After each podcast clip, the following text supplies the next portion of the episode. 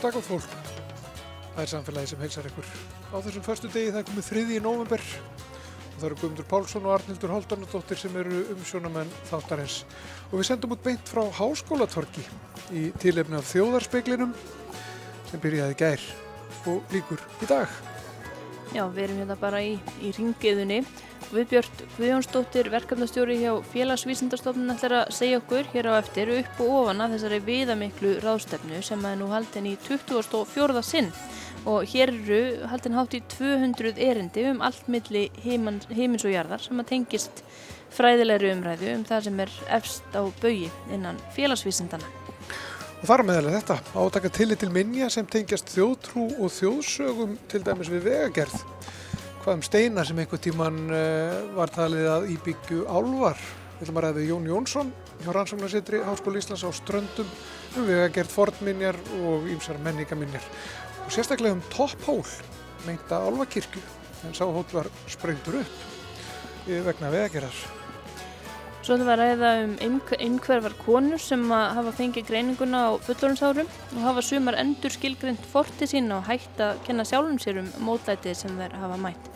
Snæfríður Þóra Egilson, professor og kremina Nikolova Fonten hjá rannsóknarsetri í föllunafræðum gerðu viðtalsrannsókn þar sem þær rættu við nokkrar einhverfar konur á miðjumaldri sem að varpa ljósi á reynslu þeirra fyrir og eftir greininguna.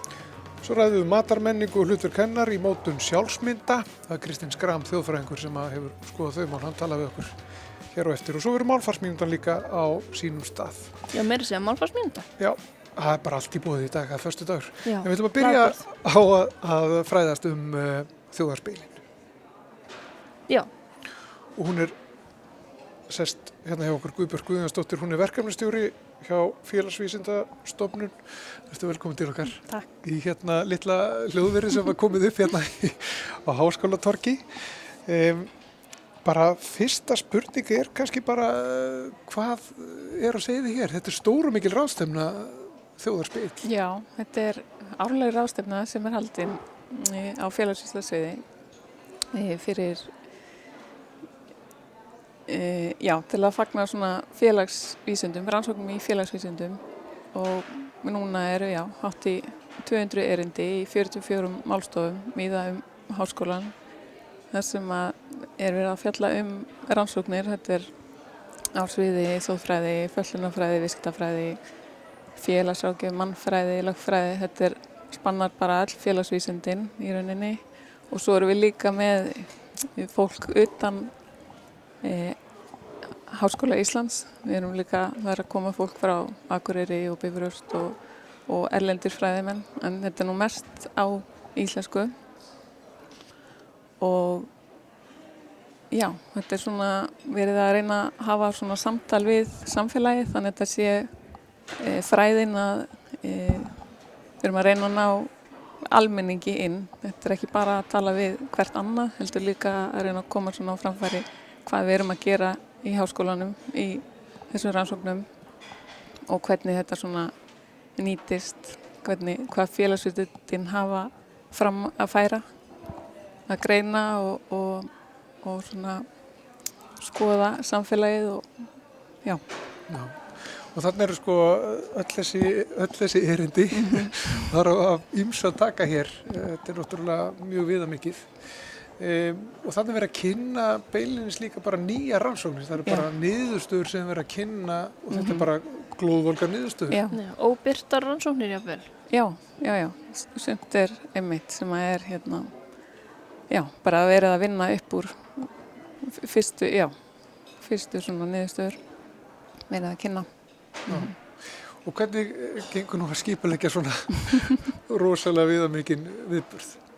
Já, það er náttúrulega... Það lítur á mikið áttak.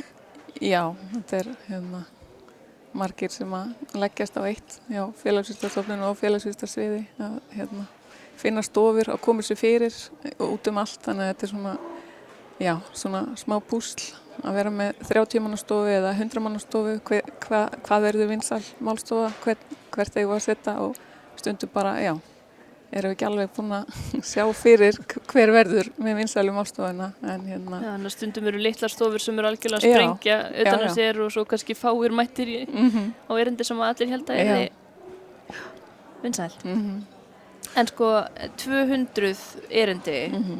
uh, fólk sem að ætlar að reyna að ná eins miklu og, og hérna, fara á eins margar málstofur og, og hægt er, mörg, sækjans mörg erindi og hægt er, hvað er svona raunhæft markmið að setja sér? Hvað getur maður náð? Kynna sér er, mikið? þetta er skipt niður í svona fjögur slott, það er klukka 9, 11, 1 og 3, þannig að hérna, svona fjögur erindi í, í málstofu, þannig að ef maður sittur, já, það er maður að ná svona 16-20 erindum kannski yfir daginn, fyrir eftir hvað eru mörg í, í málstofu.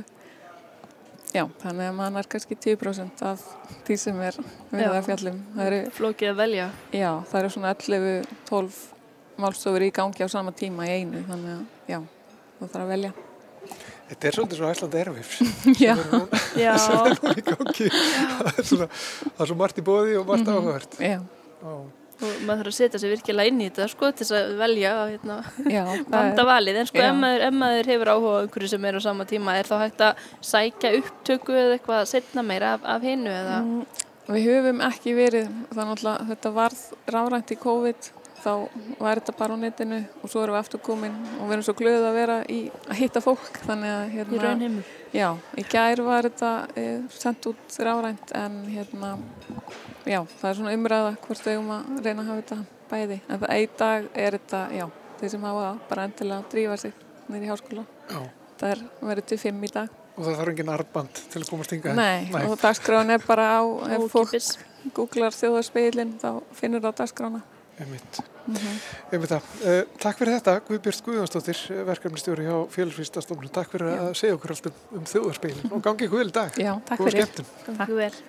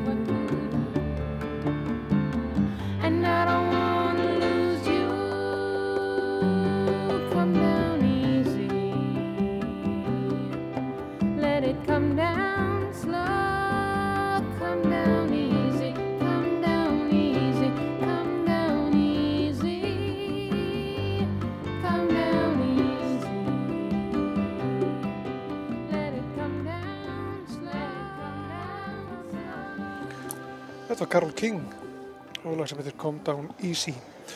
Og áfram höldum við hér með samfélagi, við sendum út beint uh, frá þjóðarspegli, við erum stödd hérna á uh, Háskólatorgi. Já, í okkar eigin sér útbúna hljóðveri þar. Já, já, og Út í horni? feng- fengum hérna príðilega stuð hérna. Við, það eru gluggar hérna, allar áttir hérna hjá okkur og Já, við erum bara alveg í miðju háskólasvæðisins. Ég hef mig bara fullir af það. auga stormsins, En hann er sestur hérna hjá okkur uh, Jón Jónsson sem er verkefnistjóri uh, hjá Rannsóknarsetri Háskóla Íslands á Ströndum. Verður velkomin til okkar. Já, takk fyrir það. Þú varst að tala hér í morgun, varst með erindi, ekki satt? Jú, ég var með erindi, ég var að tala um hérna þjóðsagnastadi og, og hvernig þeir eru verndaðir. Já, Ég var að setja þetta í samingi við lög og, og reglur og, og reyna að benda á leiðir til að sagt, ebla þessa verndun uh, þjóðsagnastada Álfóla og Álfakirkja og dvergasteina sem að finnast um land allt. já. Og þeir finnast um landa allt, E- hafa þeir verið kortlæðir? Er, er, þetta, er þetta þekkt almennt svona? Já, þetta er nú til í mörgum heimildum, ólíkum heimildum, eins og til dæmis í örnefnaskrám fyrir allar jarðir sem hafa verið, gerðar örnefnaskrám fyrir allar jarðir á landinu má segja og þar er hellingur af þjóðsagna efni með, flýtur með, svo er náttúrulega þjóðsagnasöfnunum mjög mikið og síðan hafa verið tekið viðtöl við um land af starfsmönnum átnastofnunar, þjóðfræðingum sem eru svona 50 til 70 ára gömul. Og, og þarna á öllu þessum stöðum er til gríðarlegt magna af þjóðsögum og, og sögnum um alls konar staði og, og fyrir bæri. Ég lagði út frá dæminum Toppól við höfni Hónafyrði sem var sprengtur upp í sumar í þáu vegagerðar og það verður svona daldar umræður um það þegar þetta var gert. Hann heyri núna sögunni til en, en hérna það kom í ljós sem sagt á svona þegar það var komað framkvæmdunum þá koma ábendingar um að þetta væri álfakirkja og fallegur Stuðlabergshóll sem hefði líka náttúruminjalegt gildi en það, og, og ég, svona, ég var að skoða þetta með samhengi af lögum sem gilda um minjavernd og, og, og vernd á svona þjóðtrúar og þjóðsagnastöðum. Og hvaða reglur eru nú í gildi um það? Já, það eru lög um minjavernd sem er gildi og það talaði um að 100 ára gömul mannaverk eru friðuð. Og eins, það sama gildir, það er 100 ára regla um sagt, þjóðtrú og þjóðsagna staði og þá þarf að vera sagt, munnmælinn þurfa að hafa verið skrifið nýður fyrir 100 árum og, og hérna séu varðveitt á prenti.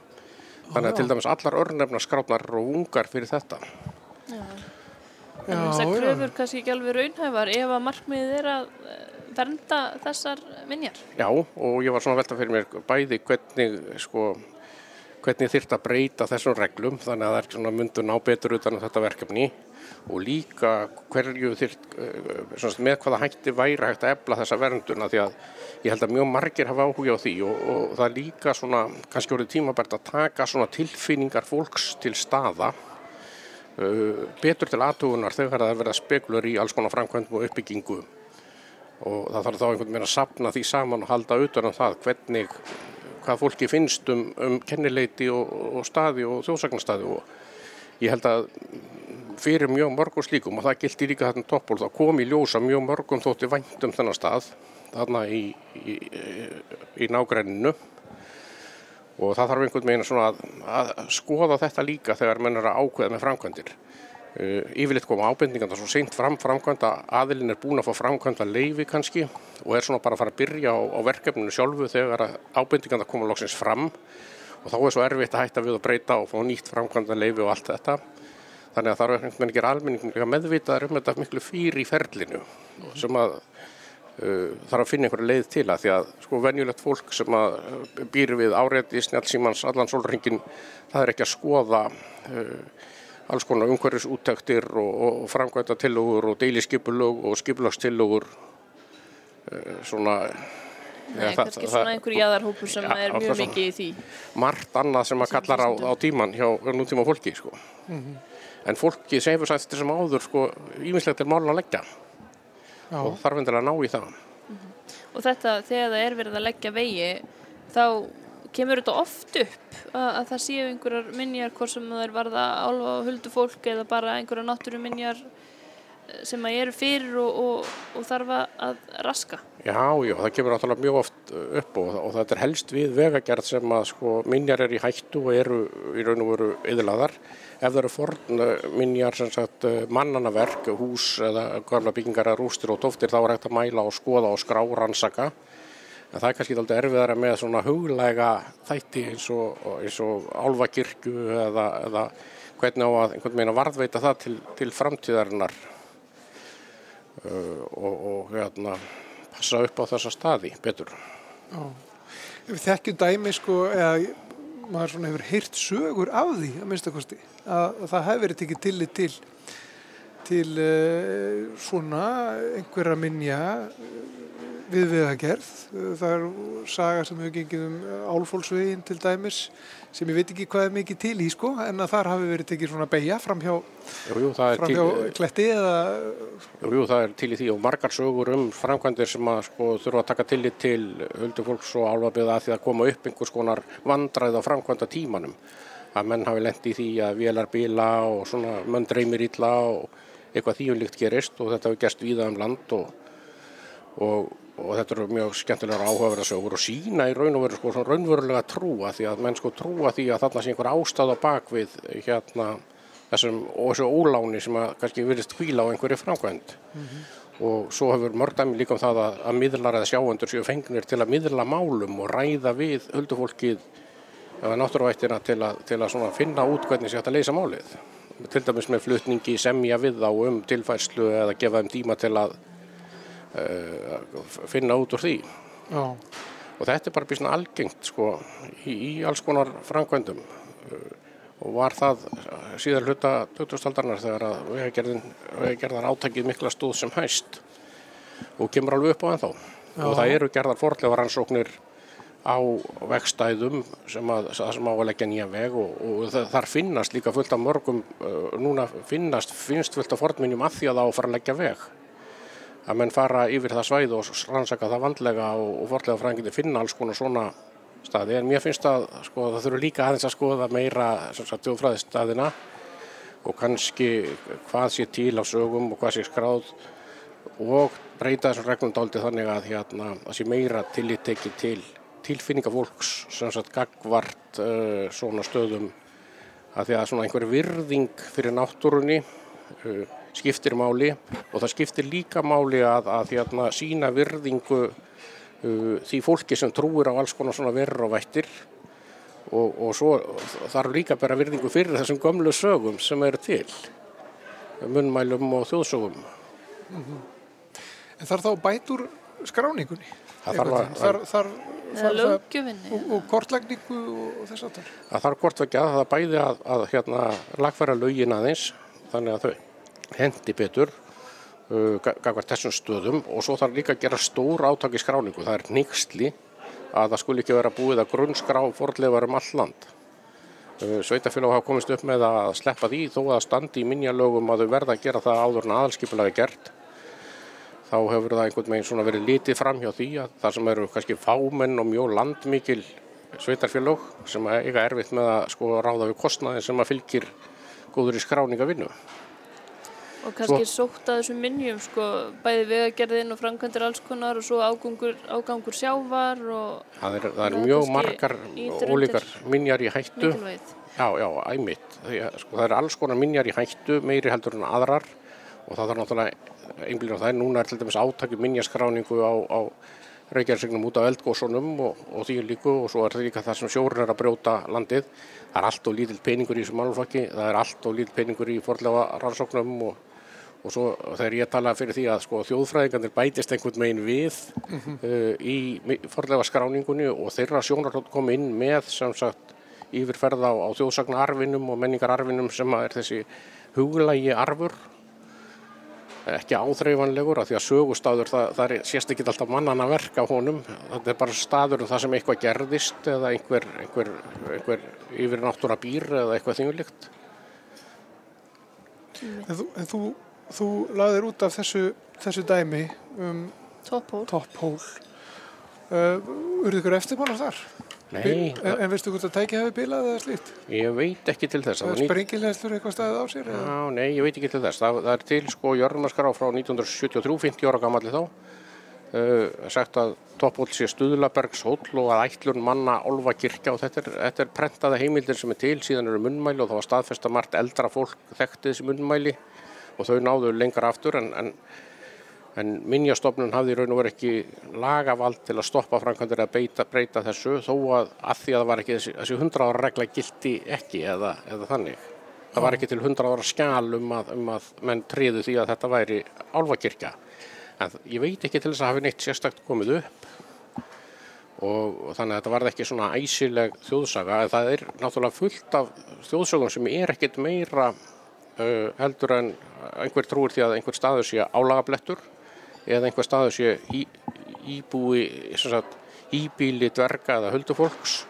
Og svo er bara sagan ekkert lengri og kannski er einhver bóð og bönn að með ekki brjóta gegn einhverju en það hefur enginn gert það. Þannig að að það er fullt á svona stöðum um land allt sem að eru ekki uh, eru bara líka, það er eftir að sapna svo miklu líka því að það er hérna uh, mjög sumt að þessu er hvergi skráðu þetta gengur bara manna á milli eða fylgir ákveðnu jörðum eða, eða þannig Já. Bara kannski aðeins í lokin, Jón, þú ert á rannsóknarsittri Háskóli Íslands á Ströndum. Já, Getur sagt okkar þess frá bara starfinu þar? Já, það eru svona um tugur rannsóknarsetra starfandi vísvegar um landið sem eru á mismunandi sviðum, sem er að rannsaka náttúruna, kvali og fuggla og þessum þýjum líkt og svo sakfræðisettur og þjóðfræðisetrið er á, á strandum. Um, það, það er, þetta er uh, dálítið vinnustöður, við erum þarna þrjú og upp í sex síðasta sömar að vinna að alls konar þjóðfræðverkefni, við þá öflum við styrkja til að fara í einhver ákveðin verkefni og erum svona með tímabundar ráðningar á dáltaða fólki og þetta hefur verið starfandi núna í sjö ár uh, á Holmavík og, og gengur vel, þetta gengur mjög vel og er svona að vinna í skemmtilegum og uh, verkefnum, stundum aðeins á mörgum að mínum að ég stjórna þessu og hérna og stundum í erfileikum með að hafa yfir sjón yfir öllu þau smá verkefni sem við erum að vinna til hliðar við einhver svona stærri markmið. Við erum að vinna mikið með íslenska þjóðtrú, líka gamlar dagbækur og gamlar ljósmyndir. Erum, þetta er svona dálta á áhuga sviði sem við höfum. Við tveir sem erum þarna í förstu starfi höfum verið síðustu fimm árin, við erum báðir áhuga mennum 19. öldina og, og erum dáltið búsettir þar, má segja. En þjóðfræðingar í dag, þeir eru mjög margir í samtímaransóknum. Það er svona alþjóðlegt trend að, að þjó- þjóðfræðingar eru mest að sinna rannsóknum og samskiptum fólks í samtímanum. Já. Ég veit að hlustendur sjá ekki bólinn sem þú varst í, Jón, en það er galdrastafur, stór galdrastafur á honum. Já, ég sjálfur. Það er ægisjálmurinn, þetta er merki strandasíslu þessi, ægisjálmur og, og hérna, það eru leiðbenningar með úr handreiti um hvernig á, hvernig á að nota hann. Ægiskálm hér skal þrykja í blí og íta á enni sér og, og síðan með það tákna á enninu þrykt í enni þá getur maður gengið óhrættur gegn óvinnum sínum og þannig að þetta er, þetta er vörn gegn óvinnum og valdamiklu fólki. Og, og eins er það vörð gegn öllu íllu þannig að það er ekkert smáraði sem að ægi sjálfur verðar mann fyrir. Ágætt að breyða sér í svona ból þegar maður fer á svona ólega félagsfræði ráðstefnu eins og þjóðspeitin er. það voru, þetta var æsilegar hérna, málstofa sem ég var í morgun í þjóðfræðinni og hérna, og kannski ekki mikil átök en, en svona mikið fjör Já, og kannski eitthvað skjól af bólnum. Jú, já, já, já, já. tafni. svo er eftirparti á eftir og þá vona ég til að koma að góðum notum Já, þá fer nú bara í blí þrykkir bara önnið þar, held ég. ég held að, já, En Jón Jónsson, uh, verkefnistjóri hjá Rannsóknarsittri í Háskóli Íslands á Ströndum. Takk fyrir komin að sérfæleið. já, takk kærlega fyrir spjallið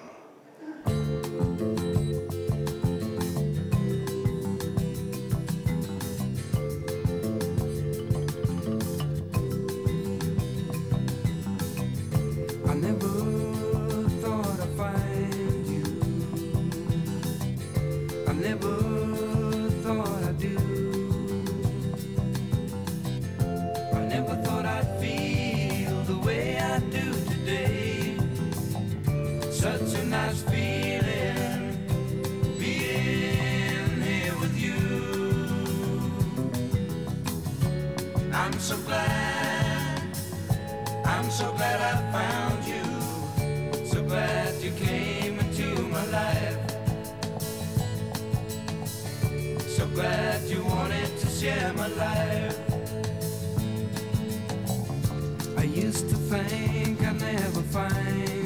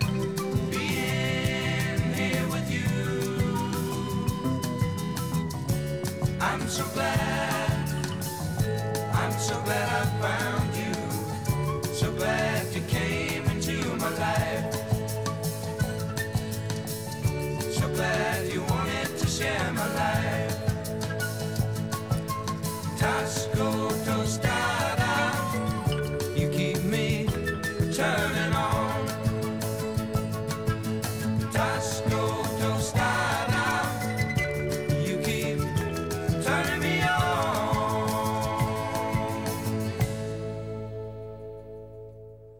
Þetta voru hljómar, úrlega sem heitir Tasco Tostada og við sitjum hér Guðmundur og Arnildur á Háskóla Torgi og uh, erum Já. hér að fræðast um þjóðarspeilin, já. Já, hún er komin hingað, hún uh, Snæfríður Þóra Egilson sem er prófessor uh, hjá rannsóknarsetri í föllunafræðum og hún var með erindi hérna snemma í morgun uh, sem ber yfirskriftina Even the way I make my coffee is autistic merking einhverfu í lífi miðaldra kvenna. Mér sé það hvernig ég laga kaffi er einhverft. Uh, velkomin Snæfríður. Takk fyrir það. Getur þú sagt mér aðeins frá þessari rannsókn? Þið voruð að skoða konur, konur sem eru komnar já, eru á miðjum aldri og hafa fengið greininguna seint. Hvers vegna ákvaðu þið að beina sjónum ykkur að þessum hópi? Ég kveikjan að þessari rannsókn var mjög áhugaverð heimildamind sem kom út árið 2019 og vakti mikla aðtil og meðlan síndarúf og hún veitti mjög mikilvæg einsinn í líf og reynslu einhverja kvenna og þetta var svona kveikjan að rannsókn minni og kreminu sem er mestranefn minn. Og við tókum viðtal við sex konur sem tóku þátt í þessari rannsókn. Og uppálega þá þá var svo sem ekki sko miða við að þær væri endilega sko á þessum aldrei annars líkt en það kom í ljós að þetta voru allt miðaldra konur og fengu greininguna seint. Og uh, þær sem sé greindu þarna frá sko lífi sín og líðan fyrir og eftir einhverju greiningu og einmitt svona já, ein- einhverjan greiningin hafði breytt mjög miklu fyrir þær fyrir þeirra sjálfskilning og annað slikt og uh, það var sem sé markmið okkar að reyna að skoða einmitt hvaða áhrif hún hafði haft og áhrif hennar á sko lífslöp kvennana.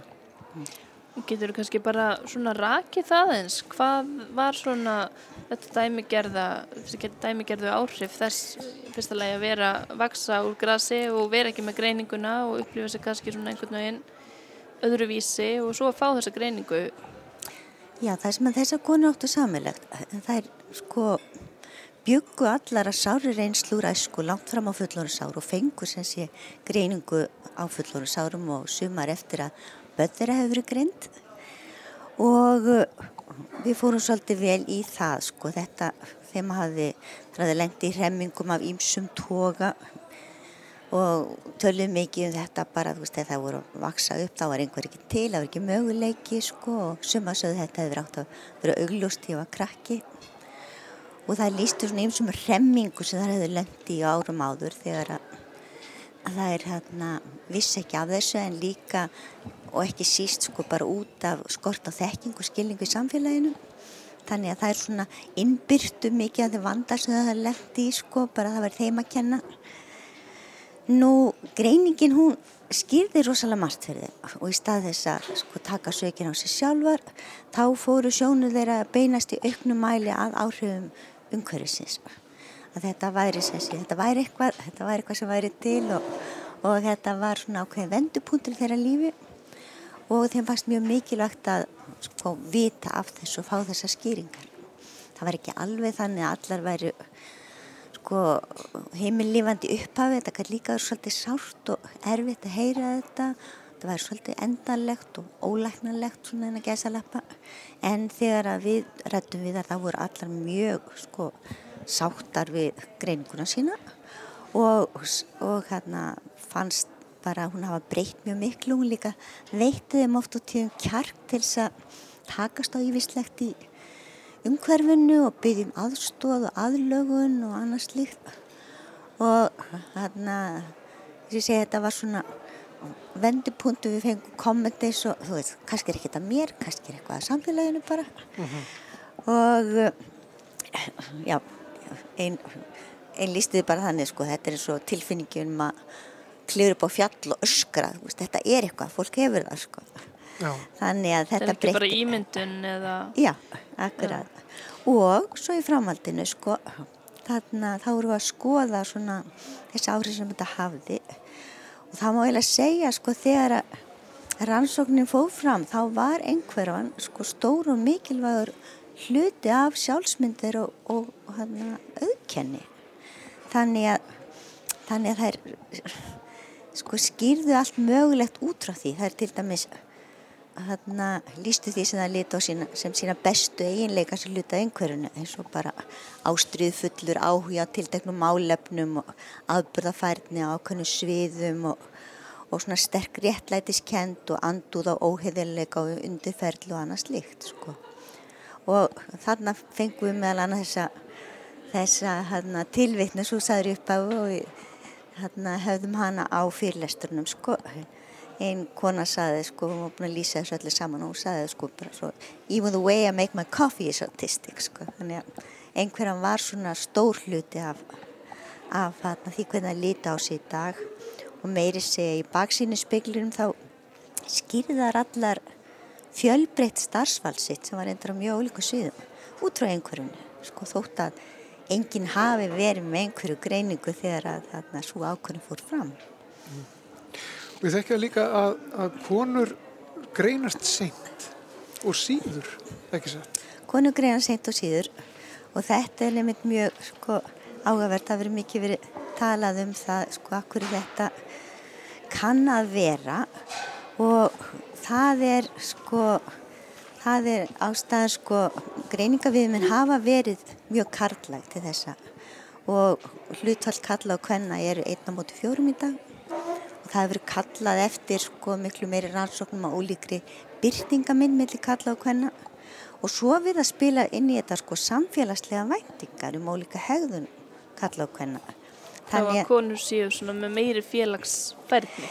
Nei, ekki endilega það, heldur sko með vandan sko, að þær eru, þær eru ekki endilega akta út af við eins og kallanir, þær, þarna, það er algengt til dæmis að ofverkni enkenni séu hjá einhverjum köllum og drengjum og, og svona ímiskunarleiti, en konurna þær akta meira, þær eru svona oft svona akta meira inn á við og, og sko við að freka svona innbyrða vanda sinni maður getur orðað þannig. Og jafnvel þá með þunglind og kvíða og annars líf og já, það eru svona ekki beint vandraða þetta er svona spurningum hvernig það samfélagi lítur að Ber ekki mikið á því að það sé einhver vandi en það, það er bara meira inn í, já.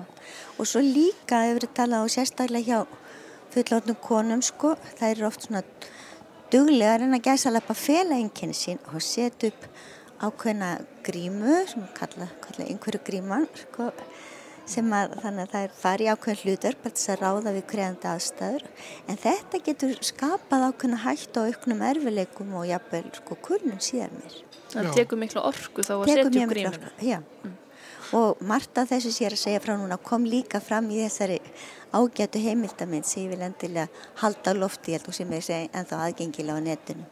Já, hún heitir eftir að sjá, Að sjá hið ósýnilega. ósýnilega. Já, sjá hið ósýnilega. Og svo vil ég líka benda á að einhverju samtökin þau eru með mikið og gott fræðsluefni og, og fræðslustöri hjá þeim, hún Guðlaug Svala Kristjánsdóttir hefur tekið saman rosalega fínt sko efni sko á það sem að getur nýst bæði einhverju fólki og þeir sem að vinna með einhverjum og þeir sem vilja gera vinnustað aðgengilegur og annað slíkt.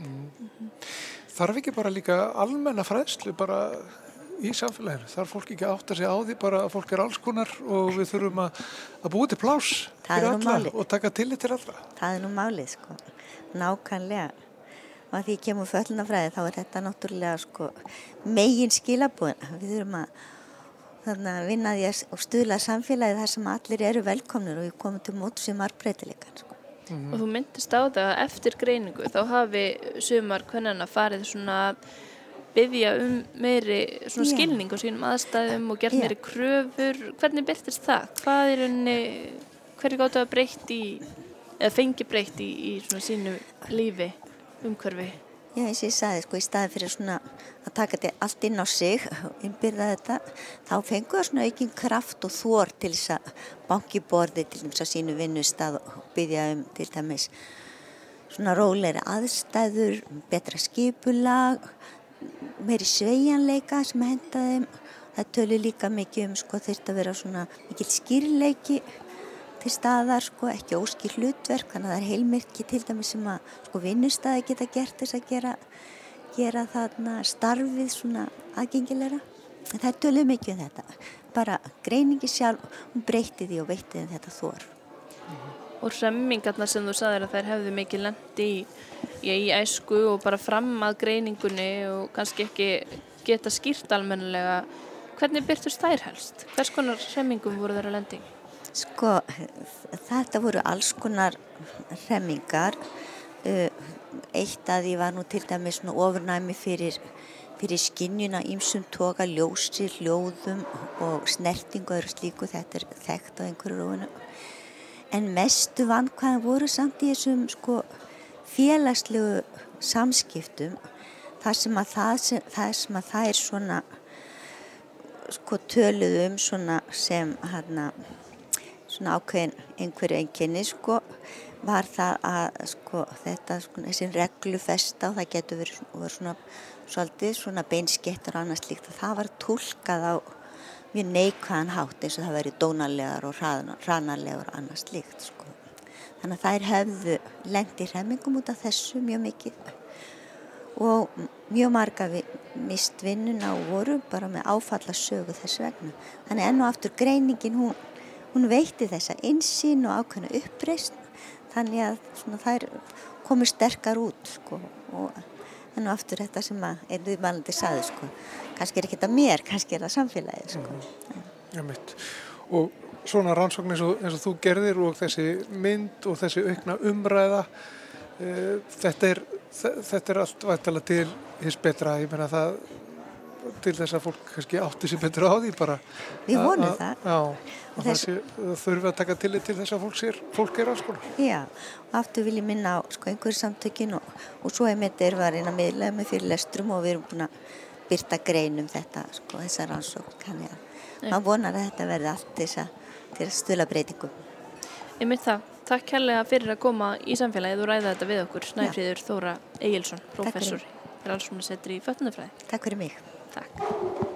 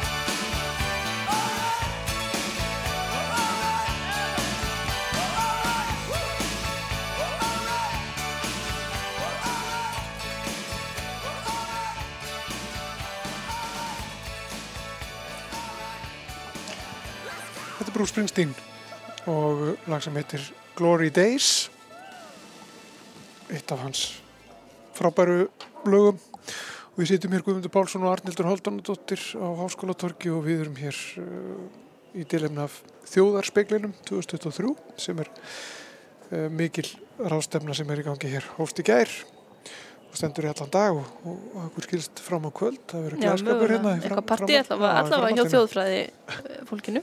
Já, Kristinn Skram sest hérna hjá okkur eftir smá stund. Það ætlar að tala við okkur um uh, matarmenningu. En fyrst að heyra hérna málfarsmínútu.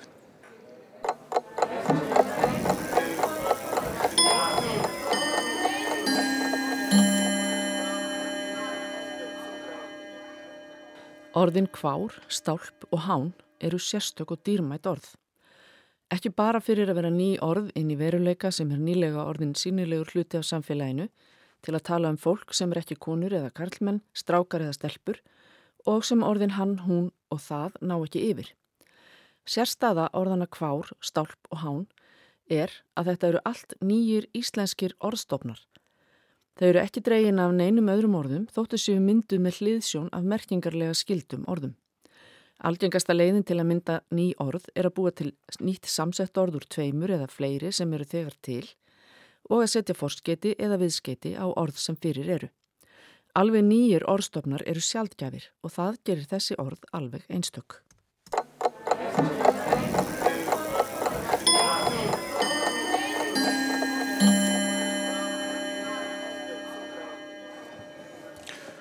Málfarsmínútan að baki í umsjón önnu Sigriðar Þráinsdóttur, uh, málfarsráðunetar. En við höldum áfram hér uh, á Háskólatorgi Já, og það er þjóðarspeilin allur sem er undir hér. já. Þetta Við höfum valið svona ákveðin speil, speilsbrot til þess að svona sína okkur skilst þetta svo átt í 200 erindi sem Já. er flutt hér á á þjóðarspeilin. 44 málstofur. Já, Þetta er umfangsmikið mjög. Einmitt. Og eitt þessara erinda hefur yfirskriftina dýrónýjur og markalösar matarheðir og það er Kristinn Skram sem að uh, fjalla, fjallaði um það eða ertu búin að fjalla um þetta? Herjú, ég bara var að stíga á sviðinu, Já, þú ert bara ferskur með þetta í kollinum kem saman. feskurinn og verði þetta, byrja, byrja því að byrja stafsökunar á þessu, þessum orðarleik hérna. Ég er að, er að fjalla um í rauninni svona írónískar, uh, írónískan performance á, á matarhefðum sem hafa að gera með dýr og dýraafurðir og uh, það er stundur sagt að við séum það sem við borðum og, og það má til sannsvegar færa þetta bæði í bókstaflegum uh, og óeinlegum skilningi og, og uh, ég er svona aðeins að útfæra þetta. Já, ok, nú þurfum við að kafa það stípla. Já, Já, ég er náttúrulega að fjalla um, um matarmenningu og, og, sjálfsmyndir, uh, svona með hvaða hætti uh, við getum kannad kannski svona óljós mörg á, á milli uh, ólíkra, ól, ólíks, ólíkra hópa fólks og, og dýra og, og líka hvernig við könnum liðna tíma og, komandi stundir. Og stundum eru þessi matargjörningar þannig að þeir reyna mjög á, á mörg uh, þess sem, sem telja mig viðsættanlegt í samtímanum og uh, hvort sem við þá sitjum auglítið til auglitis við uh, dýrshöfuð á disknum eða rennum niður súrum hrútspungum eða öndum að okkur kæstum hákarli að, að þá eru kannski margar íslenskar matarhefðir svolítið krefjandi fyrir svona utanakomandi hópa sérstaklega þó við gerum reyndar uh, mikið út úr, út úr því. Erum við sérst fyrst og fremst að tala um þorrablót. Er það, Já, Það sem þú ert að meðal, í. meðal annars og, og uh, hefðbundin mat sem, sem uh, oft er leita til líka á tímum uh, þar sem við uh, erum, að, erum að glíma við uh, óljósa framtíð. Í hruninu horfum við til dæmis aftur til sláturgerðar og nú í, í samtímanum það sem við finnst við vera að missa tengsl við fortíðina þá grípum við stundum til þorrablóta og, og uh, höldum í hefðirnar með, með kæstri skötu þó að það sé búið að úthýsa hýsa þeim sið úr heimilinu út á svona sérvalda veitingastæði eins og, eins og við þekkjum. En, en eins og áður sagði þá er er að finna svona ákveðna óvissu og, og þverstæður og óljós mörg á milli fortíðar og samtíma og milli hópa fólks og, og þjóðfélagshópa. En, en líka á mörgum tegunda.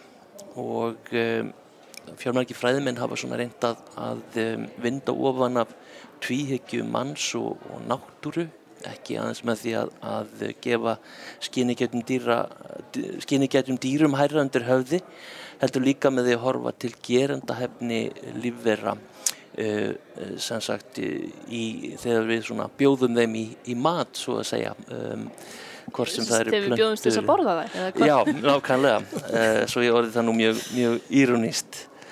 En um, á milli dýra, mennskra og ómennskra sem við getum kallað uh, má finna kannski ákveðnar dýronýjur og kannski byggist þá upp ákveðin spenna sem þarf að losum og, og það gæti verið þýðinga mikið afla baki þessara uh, matarhefða sem byggja á hefðbundinni nýtingu á spendýrum og lífurum sjávar sem svo er stundum framand gert fyrir útlendinga og, og jafnvel fyrir okkur sjálf. Og þess vegna var ég svona að spurja hvaða atbeini hefur til dæmis þoskurinn eða hrúturinn eða nýsan eða grænlandshákallinn þegar honum er, er bóðið í, í þorrablót og, um, og fyrst við erum á annar borða ræðum matarmenninga á mörkunum finnst við allavega vafa samara dæmi en, en íspjarnar kjöts átt uh, sem uh, hefur nú svona samkvæmt uh, fornum heimildum verið yfkað á Íslandi frá, frá landnámi. Það er ekki stór hættulegt, fullt af tríkinum og...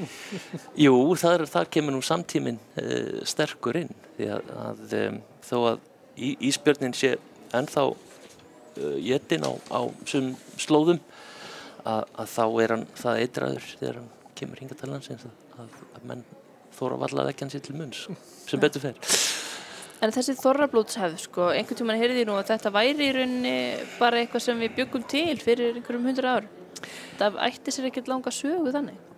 Já, oft er það einmitt matarhefðir svona á barmi útrýmingar sem er, er lift á stall menningarars og, og, og þá er svona jafnvel hennu ólífænlega gefið sérstatgildi.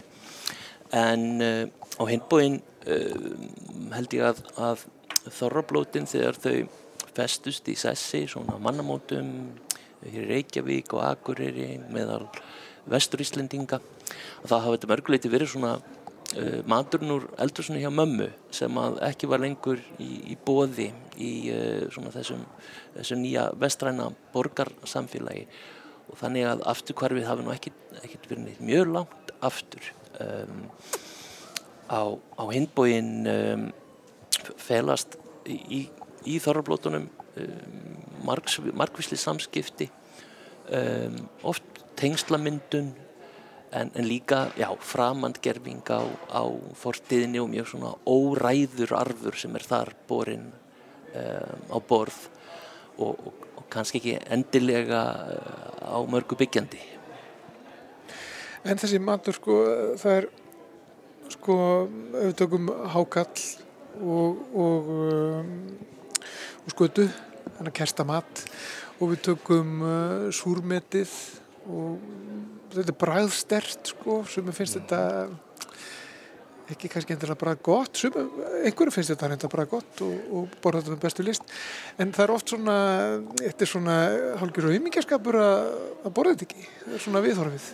Einhvern veginn, maður sér fyrir sér svona þessi sleiðið öxlinum en maður sér sko, láttu, láttu ekki svona, smakkaðu og kannski að þú talar um útlendingan á hann sko. Þetta Það sem- verið að skora þá hólm og Þetta þeir teljast ekki með, með mönnum nema þeir hérna, sporrenni smá hákalli og Já, er það ekki? Það er svolítið eins og sé verið að, að, að mana fólki að, að, að borða þjóðlegan mat.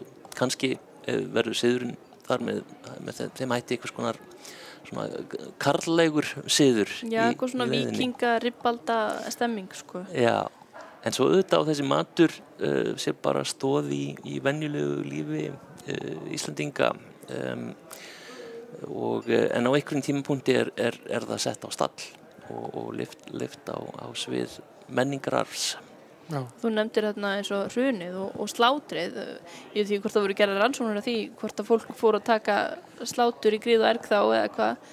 En þá er þetta svona einhvers konar viðbrað það sem er sótt í fortíðin og einhvers konar öryggi það og nú sett á stall, sláturkeppurinn var bara settur á stall þannig 2008. Jú, jú, og kannski var þetta líka svona efnahagslega aðgerð að leitinu, leitinu til. Um, þarna átt að, að svona spara og, en, en vissulega held ég að, að það hafi verið einhvers konar svona þá þráhyggja eða, eða nostalgía á, á ferðinni og það vekt ekki síður uh, aðtikli erlendis að, að Íslendingar væru að, að grípa til þessar að, að ráða hér heima uh, þar sem að hrunið leika okkur svo grátt. Og uh, en, en hins vegar var þetta líka hluti af, af hverstaslegum veruleika fólks að, að taka slátur. Og svona tilfinningalegt gildi kannski, þú veist, bara kjötbólunarinn að mömmu og eitthvað svona. ákvarðat að, að tengja kynsluðunar saman Þessi framandi, það framandi, sko framandi fyrir þau sem ekki þekkja, en þessi svona, eh, ég, ég veit ekki hvað það maður orða þetta, þetta sérkynlu matur, hvað, hvað, hvað erum við að tala um hérna? Eh, Sko þessi matur sem við erum búin að nefna hérna, eh, á þetta sé hliðstæður annar staðar, sko. Er þetta ef þú ferð ykkur þar sem eru borðuð, ég veit það ekki hvað ég á að segja, eh, skordýr til dæmis? Verið að mana fólk til þess að láta hún í sig eitthvað. Já, Er, er, er þetta svipað annar staðar? Þetta er auðvitað uh, víð að finna og þetta er eitthvað sem við sjáum í, í raunveruleika þáttum í sjónvarpinu uh, uh, nú til dags en á hinbóin er, er kæstur, matur, uh, sérstaklega fiskafurðir, um, lyktsterkur matur, gegnir oft mjög þinga miklu hlutverki í, í um, bændasamfélögum um, um allan heim og hefur líka um, verið sett á, á, á sess menningarars og, og, og er oft neitt á hátíðstögum og hefur þann tilgang að tengja fólk sérstaklega saman. Þykir mikið norskæti og, eh, en, en jafnframt menningarverðmændi. Já. Eh, Er þetta rannsóknir sem eru fullu gangi? Er, er þetta, ertu búin að setja punkt við þetta núna hérna með þessum, með því að, að flytja erindi hérna á, á þjóðarspegli? Nei, nú ætla ég að, að, að halda svolítið áfram með þetta. Ég er nú reyndar búin að, vera uh, þrjú ára að, skoða ísbjarnarkomur uh, til, til landsins og, og um, hef svolítið áhuga á, á ólíkum viðhorfið mitt til, til ísbjarnarins. Um, við skjótum hann og yfirleitt á færi en, en uh, sagan er, er svolítið flóknari og, og framtíðin líka, ekki síst í, í, um, í ljósi lofslagsvánar og um, hvort að, að uh, ísbjörnin verði tíðari gestur hér á landi á eftir að koma í ljós. En það kemur einmitt svolítið inn í þessar hugmyndir um, um dýróníuna, það er að segja íróníuna sem við, við berum uh, gagvart dýrum stundum og, og svona þverstæður sem koma fram í samskiptum okkar við dýr. Nú veit ég að, að helmingur internetsins eru, eru kattarvídeó og, og við höfum gamna því að, að, um, að gera grín með dýrum. Og uh, ég er nú meðal hans að skoða einmitt grín uh, í spjarnarins eða, eða bánsans eins og, eins og við oft köllum hann í sammengi. Já, mjög spennandi. Er það næst í þjóðarspegli? Ég held það, Það við bókum bara viðtalið hér og með. Getur verið. Sjáumst þá. Já, við komumst ekki lengra uh, með þetta núna, Kristins Graham, uh, dósent við uh, félagsfræði, mannfræði og, og þjóðfræði. Takk fyrir komuna í samfélagið.